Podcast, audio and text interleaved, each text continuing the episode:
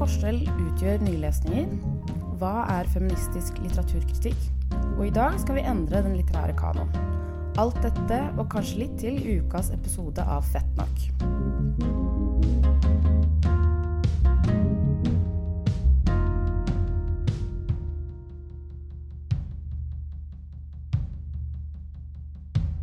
Velkommen til Fett nok, kulturtidsskriftet Fett sitt, uh, sin podkast.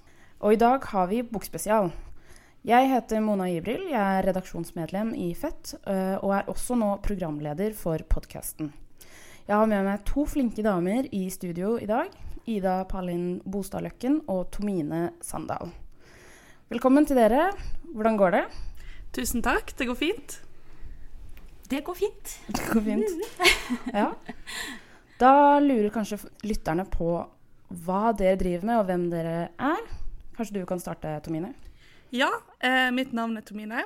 Jeg har nettopp eh, avlevert en master i nordisk litteratur i vår. Gratulerer. Tusen takk. Eh, I den så har jeg skrevet om mannlige forfattere og romaner med mannlige hovedpersoner. Det er veldig dessverre for denne podkasten, kanskje. Um, men jeg har også blitt fast kritiker i Fett, og skriver bokkritikk der. Og så skriver jeg litt teaterkritikk for Klassekampen. Mye kritikk, altså. Mye kritikk for tiden, men det er veldig spennende. Hva med deg, Ida? Jeg er jo her i dag fordi jeg driver den feministiske bruktbokhandelen Gullberg og Bostadløkken. Mm. Mm. Så der formidler jeg litteratur over en lav sko.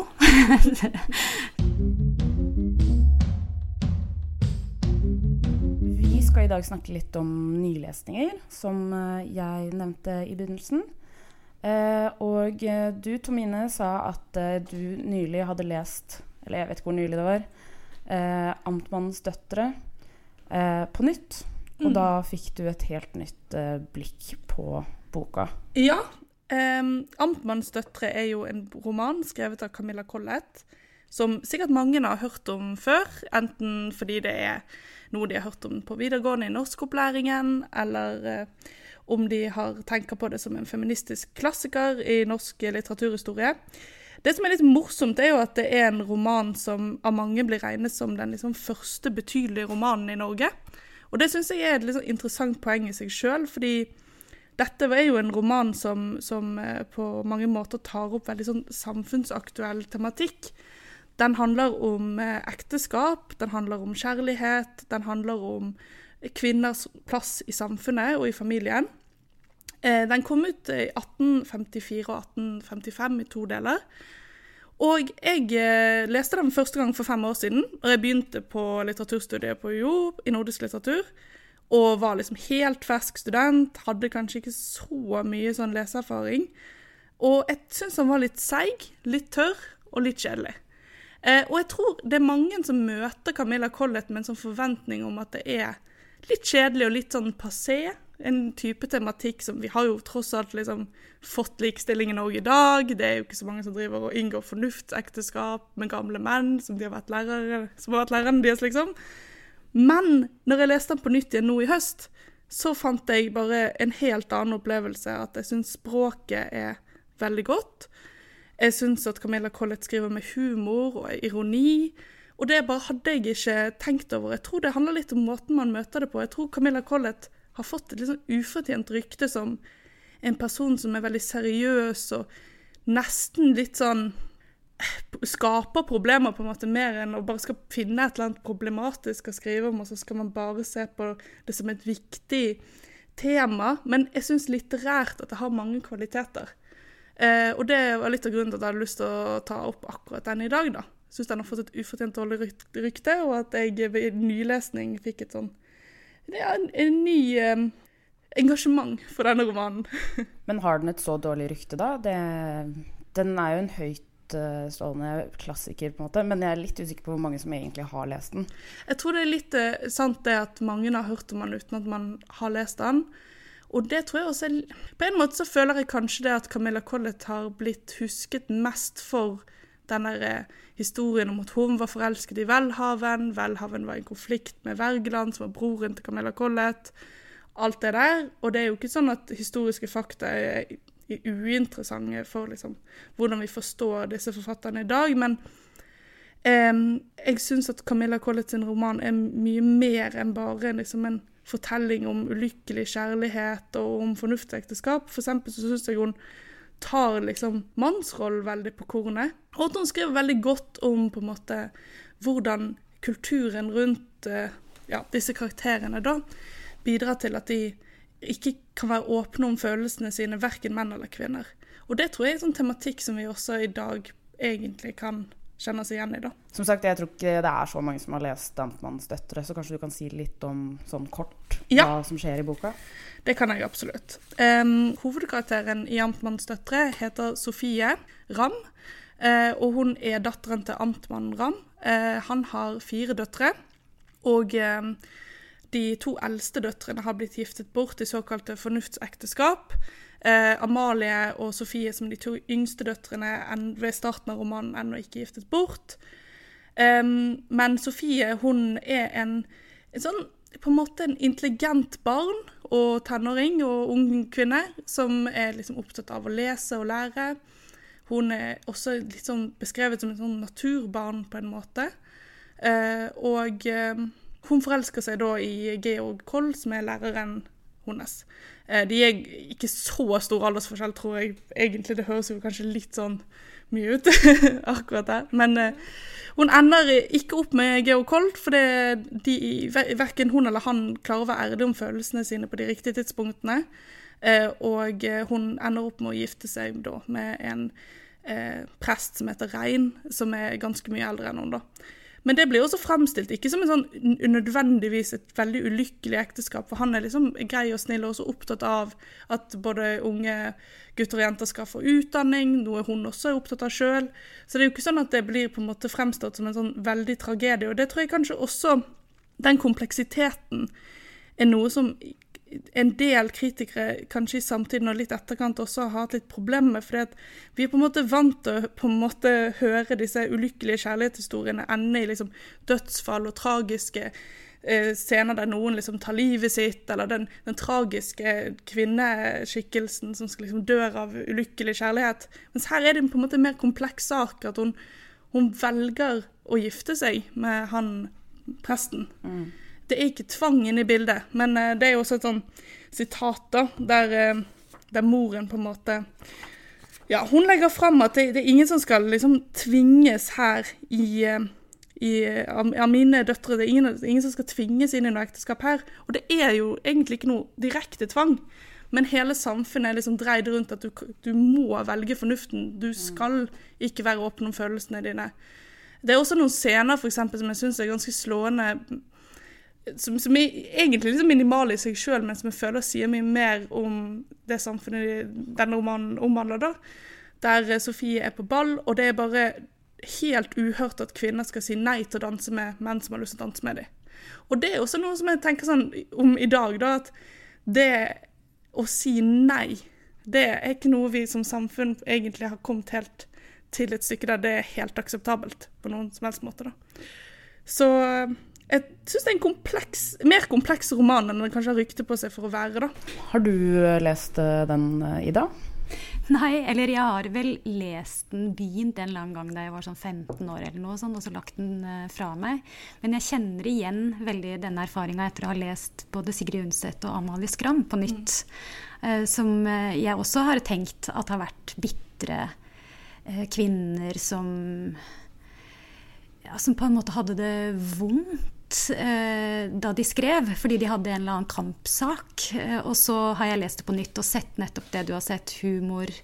Utrolige eh, sylskarpe beskrivelser av spesielt menn, men også liksom bare som kommer fram med dialoger med mye det der hykleriet i borgerskapet og sånt, som jeg har tenkt at Kanskje spesielt med en bok av Sigrid Undset, 'Jenny', som jeg har tenkt at var helt jeg, jeg, jeg syns det er så deilig å kjenne på sånn ordentlig nesegrus beundring. Og det, det, må jeg liksom si at jeg tenkte sånn Takk, Sigrid Undset. Uh, og også uh, der, da jeg leste den på nytt nå for bare noen måneder siden, så tenkte jeg første gangen jeg leste denne, så syntes jeg hun virka ubesluttsom. Uh, at hun på en måte var sitt eget største problem. Hun var veldig fortvila, den her unge dama som eh, gang på gang møter menn som forelsker seg i henne. Og jeg synes, sant, At hun ikke klarte å si nei. eh, Og at det ble så mye fortvilelse og rus, og til slutt så ender det med døde og fordervelse. Og så leser jeg den på nytt, og så tenker jeg, akkurat som du nevnte nå, problemet hennes er at hun ikke vet å skille mellom menns begjær etter henne og hennes plikt til å gi dem det de vil ha. Altså Hun klarer ikke å skille mellom sine egne og disse mennenes følelser. Så jeg vil jo si at 'Jenny' av Sigrid Undset er den første metoo-romanen som er kanskje skrevet i Norge, i hvert fall. da. Veldig sånn presis, presis beskrivelse av ung kvinne, eldre mann, han er kunstner. Og hun må på en måte føde ham, liksom. ikke sant? Eh, Fôre han med Men det var egentlig ikke den jeg hadde planlagt å si noe om, da. Så jeg vet ikke om du vil høre om Jo. For her er det en bok som er dårligere enn sitt rykte. Altså det motsatte av deg. Og det er Roald Dahl. Det er jo en forfatter som veldig mange eh, foreldre, spesielt mye foreldre i min egen krets, og sånn, som syns at han skriver så artige bøker. Og rampete barn og, ikke sant, og foreldrene. Det må da være lov å snakke og beskrive at folk er fæle og liksom, ikke sant. Og man må ikke pynte på alt, og barn kan tåle, tåle liksom nærmest sånn er, han skriver jo mye om magi, men det er jo noe veldig sånn sosialrealistisk over mange av bøkene til Roald Dahl. Eh, og det er jeg jo enig i. Syns også det er fint. Men så leste jeg da Matilda på nytt for min datter for ikke lenge siden. Nei, hater du Matilda? ja, jeg må si at jeg satt der og eh, leste høyt og sensurerte boka ganske sånn konsekvent gjennom hele høytlesninga der. Og det er jo fordi at eh, Hvem er det som er de verste folka i verden i denne boka? Jo, det er eh, to foreldre som har eh, null utdanning. De har dårlig råd. Far eh, spankulerer rundt i en litt for stor sennepsgul dress, og hva er det han jobber som? Bilselger? Han selger brukte biler. Ja. Og hun, mor hun gjør ingenting annet enn å kjefte rundt og se på TV mye. Og et av de tingene som blir brukt gang på gang som et sånt eksempel på at dette her er det verste, liksom de verste folka, det er at de spiser middag foran TV-en. ikke sant? For noe søplete folk. Og så har de da den her datteren som de ikke unner å forfølge sitt liksom, potensial ved det at de vil jo ikke at hun skal lese bøker og sånn. Eh, og det er jo underholdende også for meg og min datter at foreldrene er så fæle. Det er liksom sånn det er beskrevet på en sånn måte at det forløser latter. Og det ufarliggjør jo på en eller annen måte i dette tilfellet omsorgssvikt, da, så jeg vet ikke helt. Men, men i hvert fall, Og så er det da en lærer på denne skolen, og hun er stor. Altså stor i kroppen og stygg. Ingen mann vil ha henne. ikke sant? Hun er ugift, peppermø, og hun er fæl. Hun er også et veldig dårlig menneske. Og grunnen til at, til at vi tror så veldig at hun er et dårlig menneske, det er fordi at hun ikke er attraktiv. Hun er virkelig Ingen vil ha henne, så hun, hun er litt sånn Utrolig sånn karikert eh, kvinnerolle. Um, og hun har mye mandige trekk da, som gjør at hun er en veldig tvilsom eh, type, og hun hater barn. Og så er det da de her fattige foreldrene som tydeligvis ikke kan klare å ta vare på ungene sine. De er så dumme at de eh, ser på TV når de spiser middag, og det er sånn ferdig mat og sånn. Og så kommer det da inn en redning. Og hvem er det? Jo, det er Honey. Og hun er 23 år gammel babe, liksom. Så det, det, bare, det funker ikke, dette her. Hvem er det som får lov til å være den gode? Jo, det er den her hvite, deilige dama. Er liksom, så, så det er bare så mye klasseforakt, og det er så mye kroppsforakt, og det er eh, det, og det eneste som er bra fortsatt med denne boka, det er vel det at den går så langt. Den, den liksom holder ikke tilbake. Historien vil ut i det ekstreme. Så de stikker jo fra ungen sin med letthet. Og det er igjen så sjokkerende at man nesten bare må le. ikke sant? For de er bare sånn Ha det! Ses aldri! altså det, det, er jo det verst tenkelige som kan skje for et barn. da. Så sånn sett så, så skal han fortsatt ha det. At det er såpass liksom heseblesende. Men alle de her diskriminerende og stygge stygge liksom, tropene og stereotypiene trekkes på gjennomgående gjennom hele boka. Og det, det syns jeg ikke noe om. Er det nå man skal si at uh, Roald Dahl var en mann av sin tid? Ja, det var han helt åpenbart. Jeg har hørt mer liksom, at han egentlig var en ganske sånn dårlig fyr, men uh, ja, altså nå, Når du liksom legger det frem på den måten, så tenker jeg, så bare ser jeg det for meg, og så er jeg sånn Ja, det er ekstremt mye klasseforakt uh, i den uh, boka der. Um, og igjen også i 'Heksene' så er det jo masse stygge damer sant, som spiser barn. Mm. Så det er Og de er skallet, og det tar jeg personlig. eh, nei da. Men eh, jeg, jeg, tror det handler litt sånn om at man Jeg kan bli litt lei av den liksom intellektuelle latskapen som ligger inni i det å liksom fremstå stille noen som fæl bare på sånne fysiske ting som, som vi på en måte alle har bare på en måte stereotypisk blitt enige om at det er stygt. på en måte. Og det, Jeg tenkte litt på det samme. dette er jo, Nå skulle vi snakke om bøker, men jeg så denne Dune-filmen, som jeg for øvrig syns var en veldig god film. Men han eh, slemme, stygge, fæle bad guyen, da, eh, baron Harkonnen, han er bare så Han er liksom stor og svær kroppslig, han er skallet.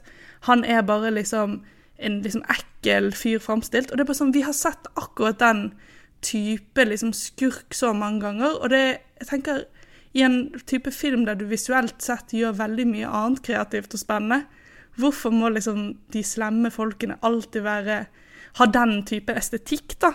Som vi absolutt ikke trenger å Eller vi kan veldig problematisere hvorfor skal slemme folk se sånn ut, da. Så jeg skjønner veldig godt at du kan bli litt frustrert med Rådal på det, da. jeg tror du har et veldig godt poeng. Hun, og Hanni er jo på en måte en sånn uber-feminin cottagecore. Eh, elsker å gjøre matte, liksom. Er perfekte dama. Eh, veldig ufarlig, liksom. Mens hun eh, Trunchball er jo virkelig det motsatte. Um, ja. Vet du hva, jeg skal ta dette her til etterretning og aldri se Matilda igjen. Sorry. Nei da. Som jeg eh, sa i sted, så er du fast kritiker i uh, Fett, Tomine. Uh, og det har du vært en liten stund, har du ikke? Jo, eh, fra det nummeret som kom ut, uh, Funksjon. Så det er ganske nytt, faktisk. Ah, ja, er, ja, ok. Men da er det Nå skulle vi snakke om feministisk litteraturkritikk. Og det er, er det noe annet enn på en måte litteraturkritikk, som vi mener er på en måte den vanlige kritikken? da? Nei, jeg har, jeg har, nok ikke tenkt så mye over om det jeg skriver for Fett skal være særlig liksom feministisk litteraturkritikk. Fordi um, jeg tror at jeg har hatt det som et sånn grunnrefleks, det å tenke på skjønn uh, i det man skriver og i det man leser. Uh, og det tror jeg er liksom, kanskje det man må, må si at er liksom grunnelementet i feministisk litteraturkritikk, å ha et særlig blikk for skjønn. Men jeg mener jo også at, på en måte, at litteraturkritikken alltid også skal ha flere andre perspektiver med seg, bl.a. liksom F.eks. hvordan språk og fortellerstil eh, harmonerer med f.eks. den tematikken og det innholdet som er i litteraturen. Og eh, sånn sett så tror jeg liksom at feministisk litteraturkritikk også bare er en eller annen form for litteraturkritikk, da. Um, at det ikke trenger å være så stor forskjell. Det jeg tror at mangler fra litteraturkritikk som bare ikke har et blikk for skjønn, er jo at man fort kan havne i en posisjon der man eh, bare reproduserer liksom, kulturelt hegemoni når man tenker på hva som er vesentlig og hva som er allment. Og det er mye litteratur som som du var inne på barselbølgen, f.eks., som det ble kalt. det. Endre Ruse skrev i Dagbladet i 2018 at litteratur som kom ut på den tiden om eh, fødsel, var liksom navlestrengbeskuende. Og det er jo på en måte, sånn jeg tenker det, en ganske sånn Da har du utdefinert fødsler som noe, noe som ikke er allment og ikke er vesentlig å skrive om, da. Samtidig så mener jeg jo at man alltid på en måte skal også spørre Selv om en bok er, har et sterkt budskap eller har en utpreget uh, kvinnesak eller har et feministisk standpunkt, så må man også spørre om det er god litteratur, om det er godt skrevet, om det er en effektiv fortellerstil. Men det tror jeg liksom ikke er et problem for feministisk litteraturkritikk i dag at man, man ikke gjør det. Jeg tenker på en måte at uh, feminisme fungerer som et verktøy. da. Innenfor litteraturen så kan man uh, finne frem til noe annet, et annet perspektiv. Uten at uh, feministisk litteraturkritikk er på en måte noe annet enn eh, annen kritikk, da. Mm. Absolutt, og jeg tror her kan jeg trekke bare en tråd tilbake til Camilla Collett. For i hennes samtid så var jo den mest kjente kritikeren i Norden Georg Brandes. Eh, og han skrev jo veldig sånn kjent om hovedstrømninger i det 19. århundres litteratur, at han ønsket at istedenfor romantikken, så skulle man bevege seg mot det moderne gjennombruddet og sette problemer under debatt. Og Der ramser han opp hva han mener er viktig litteratur på det tidspunktet, og, nevner f.eks. ikke Camilla Colletts roman 'Amtmannens døtre', selv om den var kommet ut for 15 år tidligere.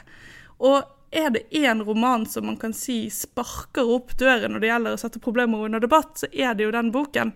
Og der tror jeg liksom akkurat den blindsonen som Georg Brandes f.eks. har hatt, da, der han bare ikke har giddet kanskje å lese liksom de kvinnene som har kommet med virkelig interessante og viktige romaner eh, på hans tid, den blindsonen fins nok fortsatt i dag hos veldig mange.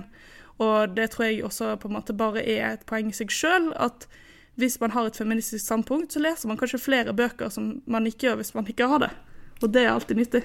ikke sant. Jeg leste en sak om deg, Ida, eh, på bloggen til Deichman. Hvor du sa at du ville utfordre menn til å lese kvinner, og du startet den lesesirkelen eh, på den måten. Eh, opplevde du på en måte at det var vanskelig for menn å lese kvinner? Um, de som kom, var jo åpenbart uh, veldig positivt innstilt uh, til dette. Så det var jo sikkert et uh, litt sånn Et utvalg av menn her som var åpne og nysgjerrige og sånn. Men jeg opplevde mange ganger da vi diskuterte noen av de tekstene Vi leste bl.a. den her veldig omdiskuterte um, Cat Person, som veldig mange prata om, som handler om en sånn date som går eh, ganske dårlig.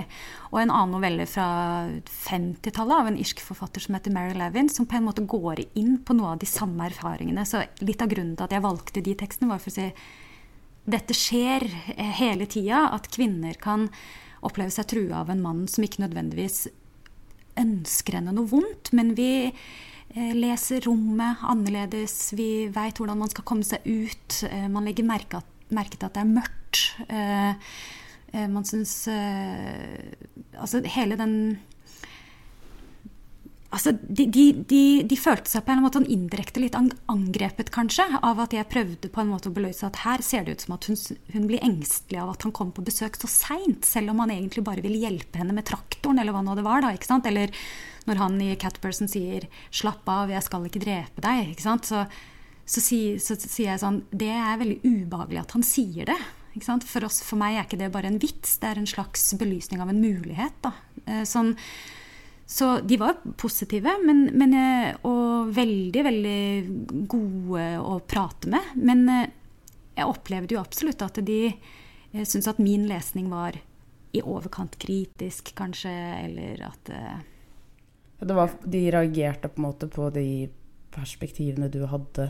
Da dere leste, liksom? Ja, at de kanskje syntes det var liksom for stor ansvarliggjøring i noen tilfeller, kanskje. da, ikke sant? At det at hun er redd, det kan på en måte ikke være hans ansvar å ordne opp i. ikke sant? Altså Hvert nytt møte er et nytt møte, og man kan ikke på en måte alltid gå rundt og drasse på hele historien etter seg og ta ansvar for den på hver eneste Tinder-date du går. Og så sitter jeg liksom og tenker at nja ja egentlig til en viss grad. Altså, så er eh, menn og hvite og funksjonsfriske osv. nødt til å gjøre det. da. Mm. Og det tror jeg er veldig utmattende beskjed å få, ikke sant? Eh, men altså, det er jo, fem, det er jo liksom feministisk lesning som eh, ja. ja. Tenk hvor slitne vi er, som uh, hun derre Rose McGowan sa. um, um, men det er jo det kanskje feministisk, et feministisk blikk gjør. da, Bare stå, altså, åpne opp og gi nye perspektiver, rett og slett. Mm. Så tenkte jeg i stad, når, når, du Tomine fortalte om altså, feministisk litteraturkritikk det er jo på en måte også, Feministisk litteraturkritikk har jo hatt tradisjon for å kritisere annen kritikk. ikke sant? Sånn at det er på en måte to ting samtidig. Det ene er selve kritikken, og så er det da kritikken av den andre kritikken. Så det er jo sånn en diskurs. Mm. Og det er jo spesielt kritikk av den andre kritikken er jo veldig gøy å, å holde på med. Sånn. Ikke sant. Mm.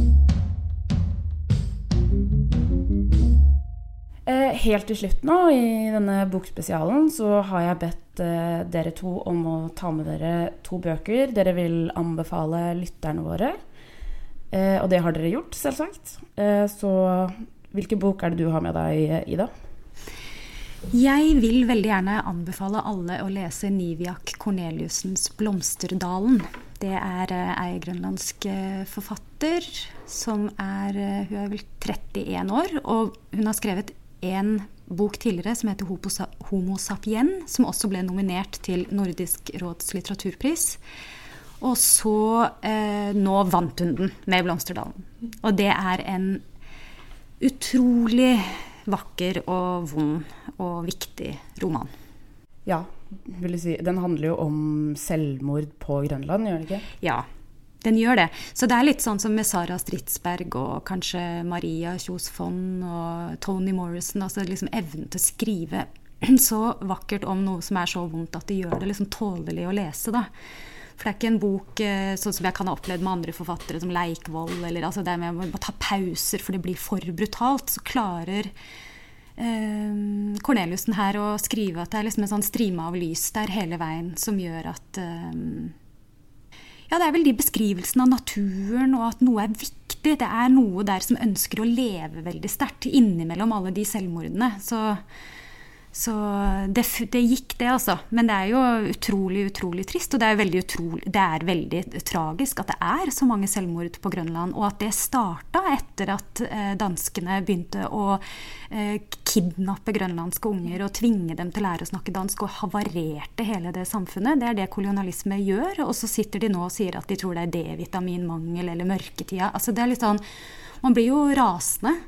Så sånn sett så er det jo også en sånn politisk sett en kjempeviktig bok. Men hun får til det som Tomine snakker om. Det er et upåklagelig godt språk. Og så er det en veldig, veldig politisk roman. Så takk til henne for det. Mm. Mm. Absolutt. Veldig fortjent at hun vant eh, nordisk Ja, det er så eh, rått. Og det er liksom Louisiana litteratur eh, liksom channel, en sånn kjempefin eh, YouTube-kanal, eh, gjorde et veldig fint intervju med henne for en stund tilbake. Og da er det bare sånn da har de dratt til Grønland for å intervjue henne, for det er der hun bor. i hvert fall. Og det er, eh, det er så godt å vite at uh, hun ikke bor i København, eller at hun liksom ikke har blitt borte et eller annet sted. Men hun, sånn, hun er der, liksom. Så det kommer til å inspirere forhåpentligvis veldig mange andre unge grønlendere til å skrive. For det, det trenger vi. Og fra Grønland så drar vi til eh, kolonialisten Danmark, for to hviler med en dansk bok. Ja, jeg har en dansk bok, men jeg vil absolutt si at den eh, den, er, den er, plassert i et litt sånn fiksjonelt, fremtidsdystopisk sted, da. Så jeg vet ikke om det er positivt eller negativt i forhold til det opprinnelige Danmark nå, da. Nei, jeg har veldig lyst til å anbefale en bok av Ida Marie Hede, som kom ut i fjor. Eh, og den har den fantastiske tittelen Suget eller Vasker du våre fuckfingre med dine tårer? Og det er en uh, veldig Jeg syns det er en fantastisk uh, roman. Handlingen uh, er lagt til en, et sted som heter Den usikre og megalomane landsby.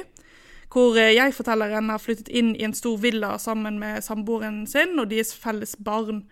Og i denne landsbyen så føres det et strengt reproduksjonsregime hvor alle females, eller females, jeg vet ikke helt om man skal uttale det på engelsk, men uh, alle disse kvinnene da, som blir kategorisert som females, uh, forventes å liksom produsere horder med barn. Så det som har skjedd, er at de har uh, Jeg vet ikke om man skal si forgiftet, men de har i hvert fall lagt hormoner til liksom drikkevannet, så de bare har eggløsning hele tiden.